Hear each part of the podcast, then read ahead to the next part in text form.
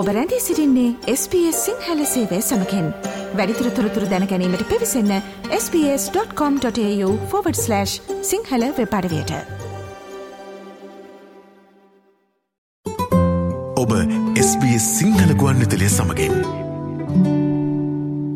ඔස්ට්‍රලියාවේ මේ දවස්වල කතාබහ වෙන ප්‍රධාන මාතෘකා අතර මේ සයිබ ප්‍රහාර සයිබ ආරක්ෂණය නැතන් ඉංග්‍රීසින් කියනවා සයිබ සෙකරිටි කියලා. මේ කාරණා පිළිබඳව ප්‍රධාන වශයෙන්ම කතාබහ වෙනවා සාමාන්‍ය ජන සමාජය පවා. විශේෂෙන්ම පසුගේදා මේ ලටිටියඩ ෆයිනන්ශල් සමාගම නැත්තන් අපි කොයි කවරුද්දන්න මේ ගෝමාස්ට ඒවගේම ජෙම්වීස ක්‍රඩිට් කාඩ් පත් නිකුත් කරන මෙහෙවුන් ලබන ලටිටියඩ් ෆයිනන්ශල් සමාගමටත් සයිබ ප්‍රහරයක් එල්ල වුණ. ඉතින් එහිදීත් විශේෂයෙන්ම විශාල සංඛ්‍යාවක පාරිභෝගිකයන්ගේ පෞද්ගලික දත්ත සොරාගෙන තිබුණ.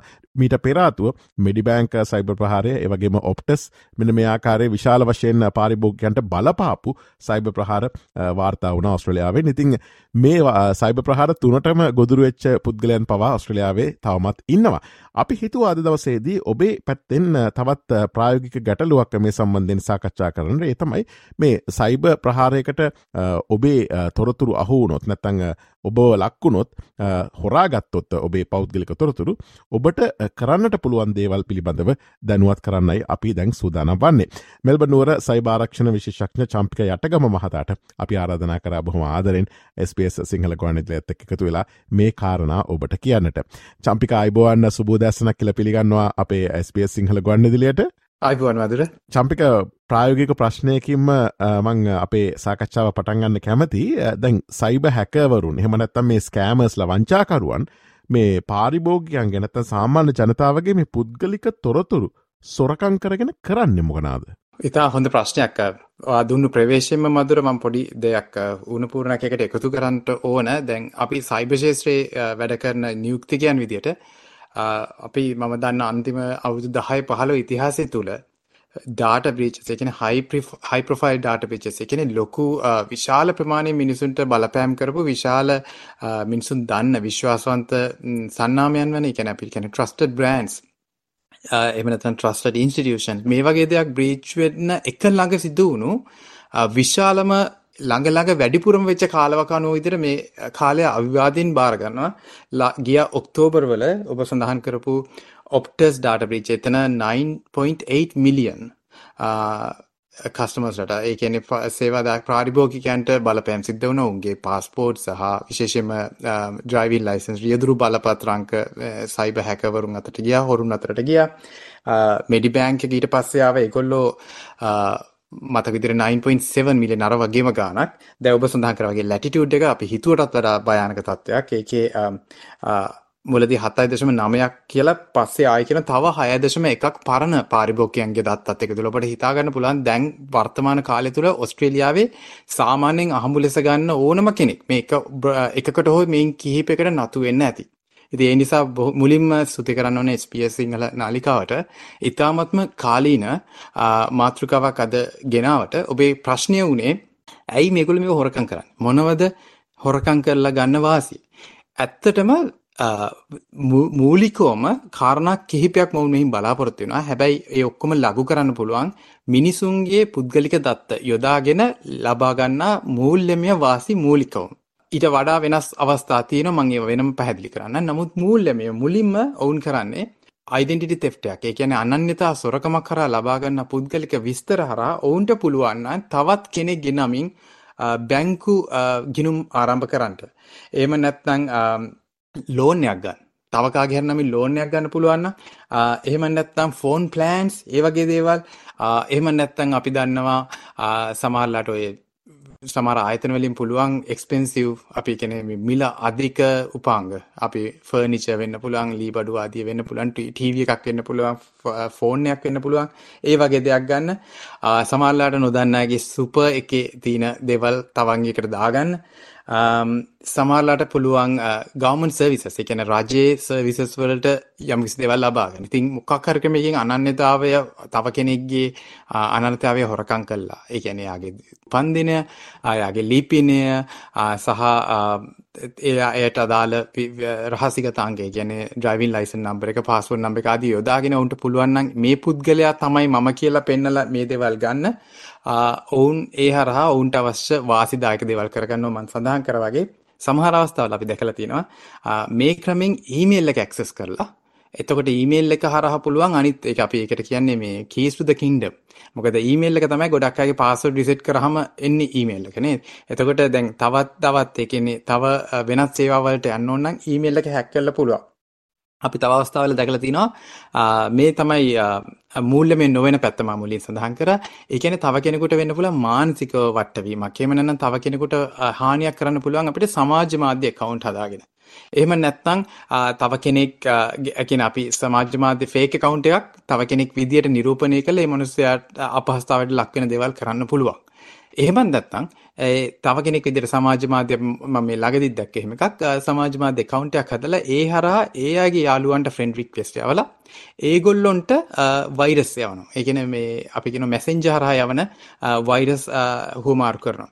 ඉතින් කරන කාර්ය මූලිකවම ආර්ථිකමය පැත්තෙන් ඔවුන් ඒ සොරකමින් යමක් බලාපොරොත්තු වෙන ඊට අමතරව මේ වගේ පුද්ගලික මට්ටමේ කරන පලි ගැනීම ආදියත් හඳුනා ගන්න පුළුවන්.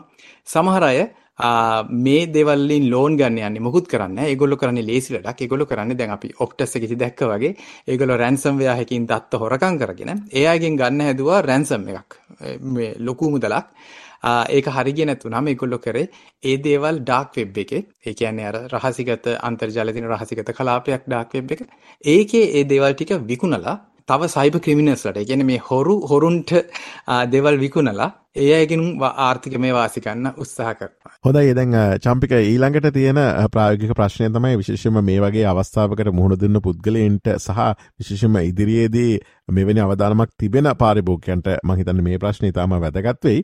දැන් ඔබේ පුද්ගලික තොරතුරු සොරාගෙන නැති බවට දැනගන්නට පුළුවන් මේ අපි ඉංග්‍රීසියෙන් කියන signs. එහෙම නැත්නම් මේ අනතුරු ඇඟවීමේ සංඥා මොනවද?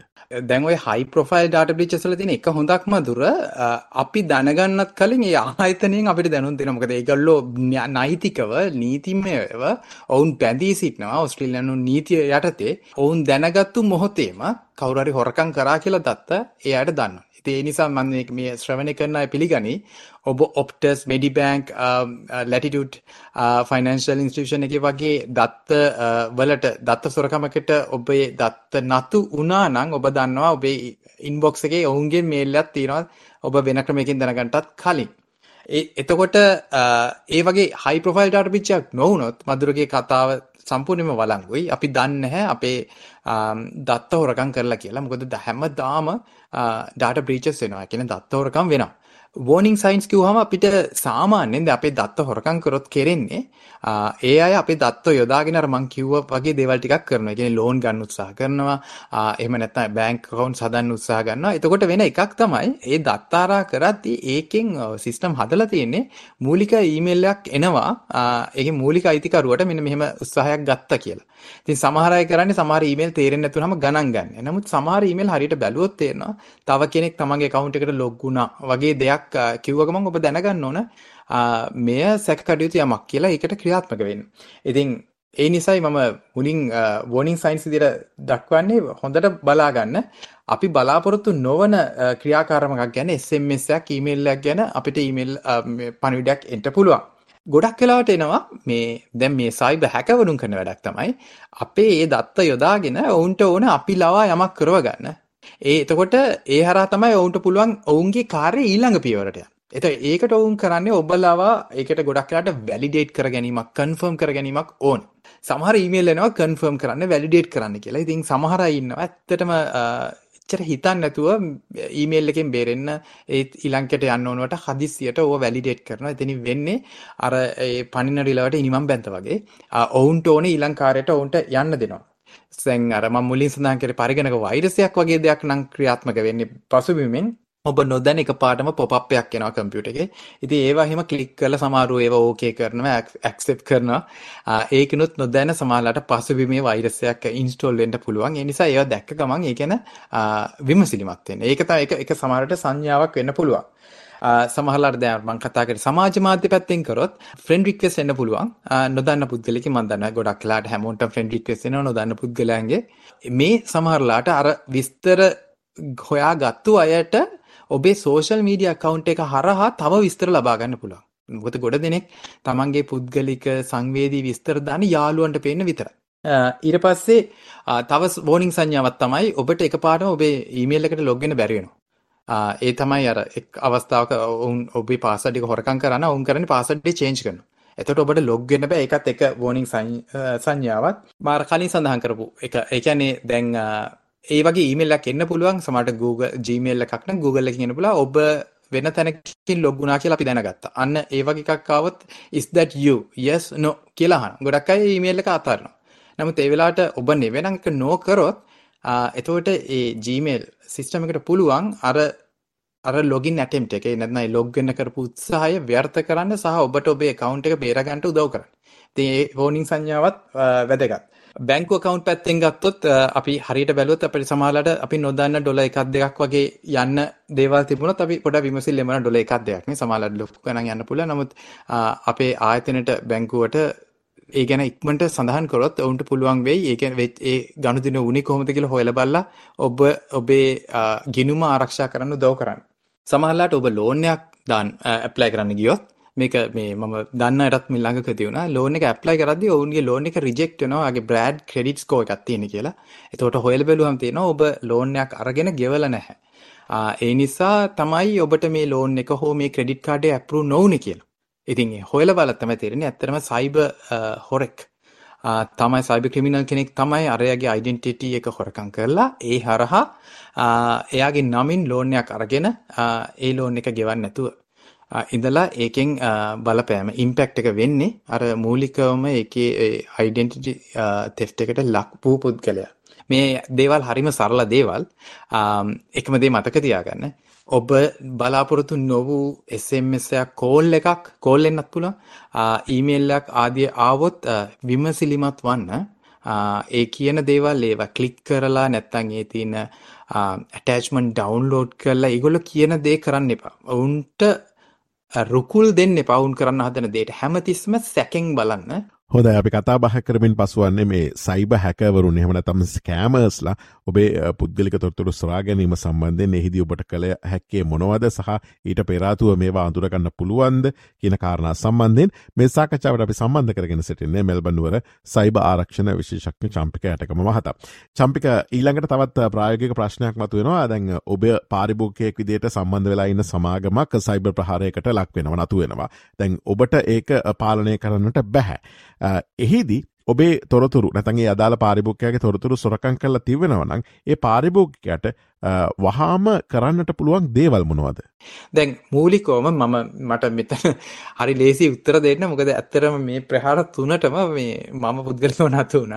ඉති ඒ නිසා ඉක්වනට ඊමේල් එක ලැබිච්ච ගමන් වහාම කරපු දේවල් ටිකක් තියෙනවා. මම ඒ ටික ඔබත් එක්ක බෙදා ගන්නම්. සමහර අය සමහර දේවල් කරලා නැතුව ඇති ඒ නිසා. දැන් මූලිකවම ඒ ආයතන වලින් එවන ඊමේල් වල ඒ සඳහා වුන් වෙන්නම වෙන්නම අපි කියන එකට ප්‍රෝග්‍රෑම් එකක්. වෙනම වැඩසටහනක් හදනවා. මේ මොකද ඔවුන්ගේ මෙච්ච වරදක්නේ. ඔවුන් ඒකට සමාව ඉල්ලලා ඔවුන් කියන මෙන්න මේ නම්බර වලට කතා කරන්න. මෙන්න මෙතන තියෙනවා විස්තර ඔයාට ඕන දේවල් කියලා. මම කියන්නේ ඒ ඊමේල්ස් බරපතලව සීරියස්ලි ගන්න. සමහර අය උඩ ටික බැලුවා ඊළඟ ඊමේල් එකට ගිහිම නෙවෙයි. ඒ ගිහිල්ලා බලන්න මොකද ඔවුන් ඇත්තටම ඔවුන් රජයෙන් බොහොම දැඩි නීති පනවලා තියෙන්නේ. මොකද මේ දේවල් සම්බන්ධව ඔවුන් ඉතා හොඳින්ම ක්‍රියාත්මක වෙන්නේ. ඒ ඒ නිසා ඔවුන් විශේෂඥ කණ්ඩායම් යොදවලා තියෙන්නේ මිනිසුන්ට උදව් කරන්න.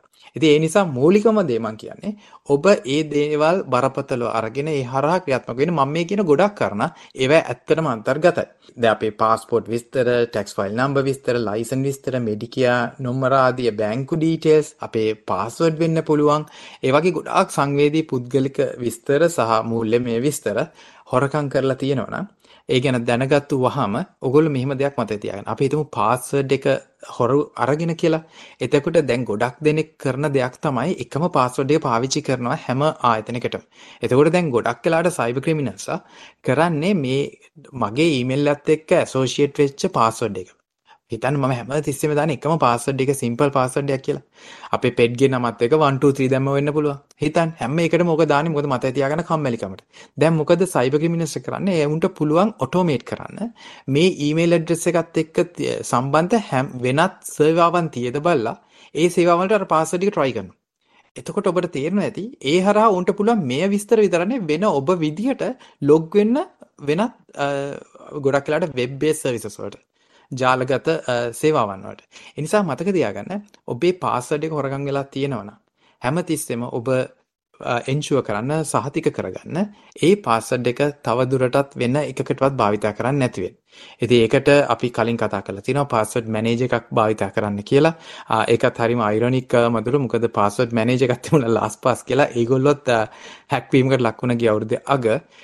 ඉතින් ලාස්ට් පාස් පාවිච්චි කරන්න කලබල වෙන්න අවශ්‍ය නැහැ. මොකද පාස්වර්ඩ් තිබුණේ එන්ක්‍රිප්ටඩ්. නමුත් වෙන දේවල් දත්ත ටිකක් ඒ හරහා හොරු ගත්තා. ඉතින් දැන් තේරෙන්නේ නැති අර වඳින්න ගිය දේවල් ඉහකටම වැටෙනවා වගේ අවස්ථා වෙනව සයිබර් ලෝකේ. ඒ තරම් මේ දැන් සංකීර්ණ වෙලා තින්නේ. ඒ කිසිම දෙයකින් නමුත් මේ කියන දේ අවලංගු වෙන්නේ අපි අපි තාමත්ම දැඩි ලෙස පරිස්සම් විය යුතුයි. කවදත් කියනවා වගේ අපි දැන් ගොඩක් වෙලාට සයිබර් හැක් වීමකට ලක් වුණා නම් කවුරු හරි মালටි ෆැක්ටර් ඔතෙන්ටිකේෂන් කල් දාලා තිබ්බනම් মালටි ෆැක්ටර් ඔතෙන්ටිකේෂන් කියන්නේ පාස්වර්ඩ් එකට අමතරව තවත් එක්තර තව uh, ලෙවල් එකක් සිකියුරිටි ඔබ දන්නවා ගොඩක් වෙලාට බැංකුවේ ලොග් වෙනකොට ඔබට SMS එකක් එන්න පුළුවන් නැත්නම් uh, ෆෝන් එකේ අපි ඒකට කියනවා notification එකක් එන්න පුළුවන් අන්න ඒ වගේ තව ලේයර් එකක්. එතකොට කවුරු හරි පාස්වර්ඩ් එක හොරකම් කරපු පළියට එයාට අපේ සිස්ටම් එක ඇක්සස් කරන්න බෑ. ඒ නිසා মালටි ෆැක්ටර් ඔතෙන්ටිකේෂන් තියෙනව නම් ඒ අනිවාර්යයෙන්ම අනිවාර්යෙන් භාවිතා කරන්න කියලා අපි රෙකමෙන්ඩ් කරනවා. ඒක හැක් වෙන්න අවශ්‍ය නැහැ. හැක් වෙන්න ඇත්තටම හැක් වීමකට අපි හැමෝම ලක් වෙන්න හැකියාව තියෙන නිසා ඒ පුළුවන් හැම දෙයකම মালටි ෆැක්ටර් ඔතෙන්ටිකේෂන් භාවිතා කරන්න කියලා ඉනේබල් කරන්න කියලා මම කියනවා if available. ඒ සේවාව තියෙනවා නම් තව කාර්යයක් තමයි මේක විශේෂයෙන්ම ගොඩක් අය දන්නේ නැහැ. දැන් අපේ නමින් ක්‍රෙඩිට් කාඩ් එකක් හරි ලෝන් එකක් හරි ගන්නවා නම් එතනින් වෙන්නේ අර මම කලින් කිව්වා වගේ අර අපේ ක්‍රෙඩිට් ස්කෝර් එක ඉම්පැක්ට් වෙනවා. එතකොට ඔබේ ක්‍රෙඩිට් ෆයිල් එක බොහොම ආරක්ෂා කරගන්න ඕන දෙයක්. දැන්ට ඔස්ට්‍රේලියාවේ ආයතන තුනක් තියෙනවා ක්‍රෙඩිට් රිපෝර්ට් ඒජන්සිස්. ඒ ආයතන තුන තමයි එක්ස්පීරියන්, ඉලියන්, ඉක්විෆැක්ස් කියන ආයතන තුන. ඉතින් මේ ආයතන තුන වෙන වෙනම ක්‍රියාත්මක වෙන්නේ. ඒ අය තමයි අපේ ක්‍රෙඩිට් ෆයිල් එක මේන්ටේන් කරන්නේ. ඔබ බැංකුවකින් ලෝන් එකක් ගන්නකොට බැංකුව කරන්නේ ඔබේ ක්‍රෙඩිට් හිස්ටරි එක ක්‍රෙඩිට් ඔබේ රිපෝර්ට් එක චෙක් කරන්නේ මේ ආයතන තුනෙන් එකක් හරහා. ඉතින් ඒ නිසා අපින් කවුරු හරි ක්‍රෙඩිට් කාඩ් හරි ලෝන් එකක් හරි අපේ නමින් ගන්න හදනවා නම් ඒ සම්බන්ධ විස්තර මේ තුන් ගොල්ලන් ගාව එක්කෙනෙක්ගේ ගාව හරි තියෙනවා. ඒ නිසා වහාම කළ යුතු දෙයක් තමයි ඔබේ ක්‍රෙඩිට් රිපෝට් එක නොමිලේ ලබා ගන්න පුළුවන්. මේ ආයතන වලට කතා කරොත් මේ ආයතනට වෙබ් බේස්ඩ් ඒ කියන්නේ කියලා ඉන්ටර්නෙට් එකට ගිහිල්ලා ඔබේ ක්‍රෙඩිට් රිපෝට් එක ඉල්ලුවාම ඒකත් ඔබේ පුද්ගලික විස්තර ටිකක් දීලා ගන්න තියෙන ඉතින් ඒ හරහා පුළුවන් ඔබට ක්‍රෙඩිට් රිපෝට් එක ගන්න. ඒ හරහා ඔබට ගිහින් බලන්න පුළුවන් ලෝන්ස් මොනවද ඔබ අරන් තින්නේ කියලා. එතන නොදන්න එකක් හරි තියෙනවා නම් ඔබට පුළුවන් ඒක අපි ඒකට කියනවා චැලෙන්ජ් කරන්න. එතකොට ඒ ආයතනයට පුළුවන් ඒක හොයා බලන්න. එතකොට ඒක ඒක ඒක ඉතාමත් වැදගත්. ඕකේ මම කරපු දෙයක් තියෙනවා මේ මම ඔබත් එක්ක ෂෙයා කරා අපි ඒකට කියන්නේ ක්‍රෙඩිට් බෑන් එකක් දාගන්නවා. BAN බෑන්. ඒ කියන්නේ මම මටම ක්‍රෙඩිට් ලෝන්ස් ගන්න බැරි කරගන්නවා. ඒක කොහොමද කරන්නේ? ඔය ආයතන තුනටම මට ගිහින් කියන්න බුණා මට ක්‍රෙඩිට් බෑන් එකක් ඕන කියලා. එහෙම වුණාම වෙන්නේ කවුරු හරි ලෝන් එකක් ගන්න හැදුවත් ඔබේ නමින් ඔබමනේ කියලා තින්නේ එපා කියලා බෑන් කරලානේ තියෙන්නේ. ඒකින්ද ගන්න බෑ. මට මතක විදිහට සති දෙකයි ඔවුන් ක්‍රෙඩිට් බෑන් එක දෙන්නේ. නමුත් ඒක එක්ස්ටෙන්ඩ් කරගන්න පුළුවන්. ඔව මම අවසාන වශයෙන් චම්පකකින් දැනගන්නට කැමති දැන් මේ සම්බන්ධයෙන් හැමෝටම මේ අයිට නොලේජ්ක නැත තොරතුර තාක්ෂණය පිළිබඳ සයිබ ආරක්ෂණය පිළිබඳ දැනුවක් නැහැ. ඉතින් මේ සම්බන්ධව යම් කිසි පාරිභෝගිකකුට උපකාර අවශ්‍යන ඔස්ට්‍රඩියාවේ සඳහා තිබෙන මේ හෙල්ප් ලයින්ස් ඒවගේම සපෝට් සර්විසස් මොනවද කියලා අපි අවසාන වශයෙන් සඳහන් කරමු. මම එක වෙබ්සයිටයක් මුලින්ම කියන මොකද ඉතාමත්ම වටිනවායි සයිට් එක දැනගන්න එක ඒ තමයි ID care ID care.org uh, ඒක තමයි වෙබ්සයිට් එක. Idcare.org මේක ගවර්න්මන්ට් එක. කියන්නේ රජයේ පැත්තෙන් uh, පිහිටවලා තියෙන්නේ non for profit organisation එකක් uh, මේක තියෙන්නෙම මේ වගේ දත්ත ඒ කියන්නේ තමන්ගේ පුද්ගලික විස්තර. Um, හොරුන්ට නැතිවීම සයිබර් හොරුන්ට නැතිවීම මත පීඩිත අය. ඒ කියන්නේ ඒකින් පීඩාවට පත් වෙච්ච අයට උපකාරයක් විදිහට. ඉතින් ඒ නිසා ඒ වෙබ්සයිට් එකේ සෑහෙන විස්තර තියෙනවා. දැන් මම කිව්ව ගොඩාක් දේවල් එකේ තියෙනවා. විශේෂයෙන්ම ඔය ක්‍රෙඩිට් බෑන් කරන විස්තර ඔහම ඔබට දැනගන්න ඕන නම් කොහොමද කරන්න කියලා හොඳට මතක තියාගන්න. idcare.org එහෙම නැත්නම් කෝල් කරනවා නම් මම නම්බරේ සඳහන් කරන්නම්. 1800යි 595යි 160.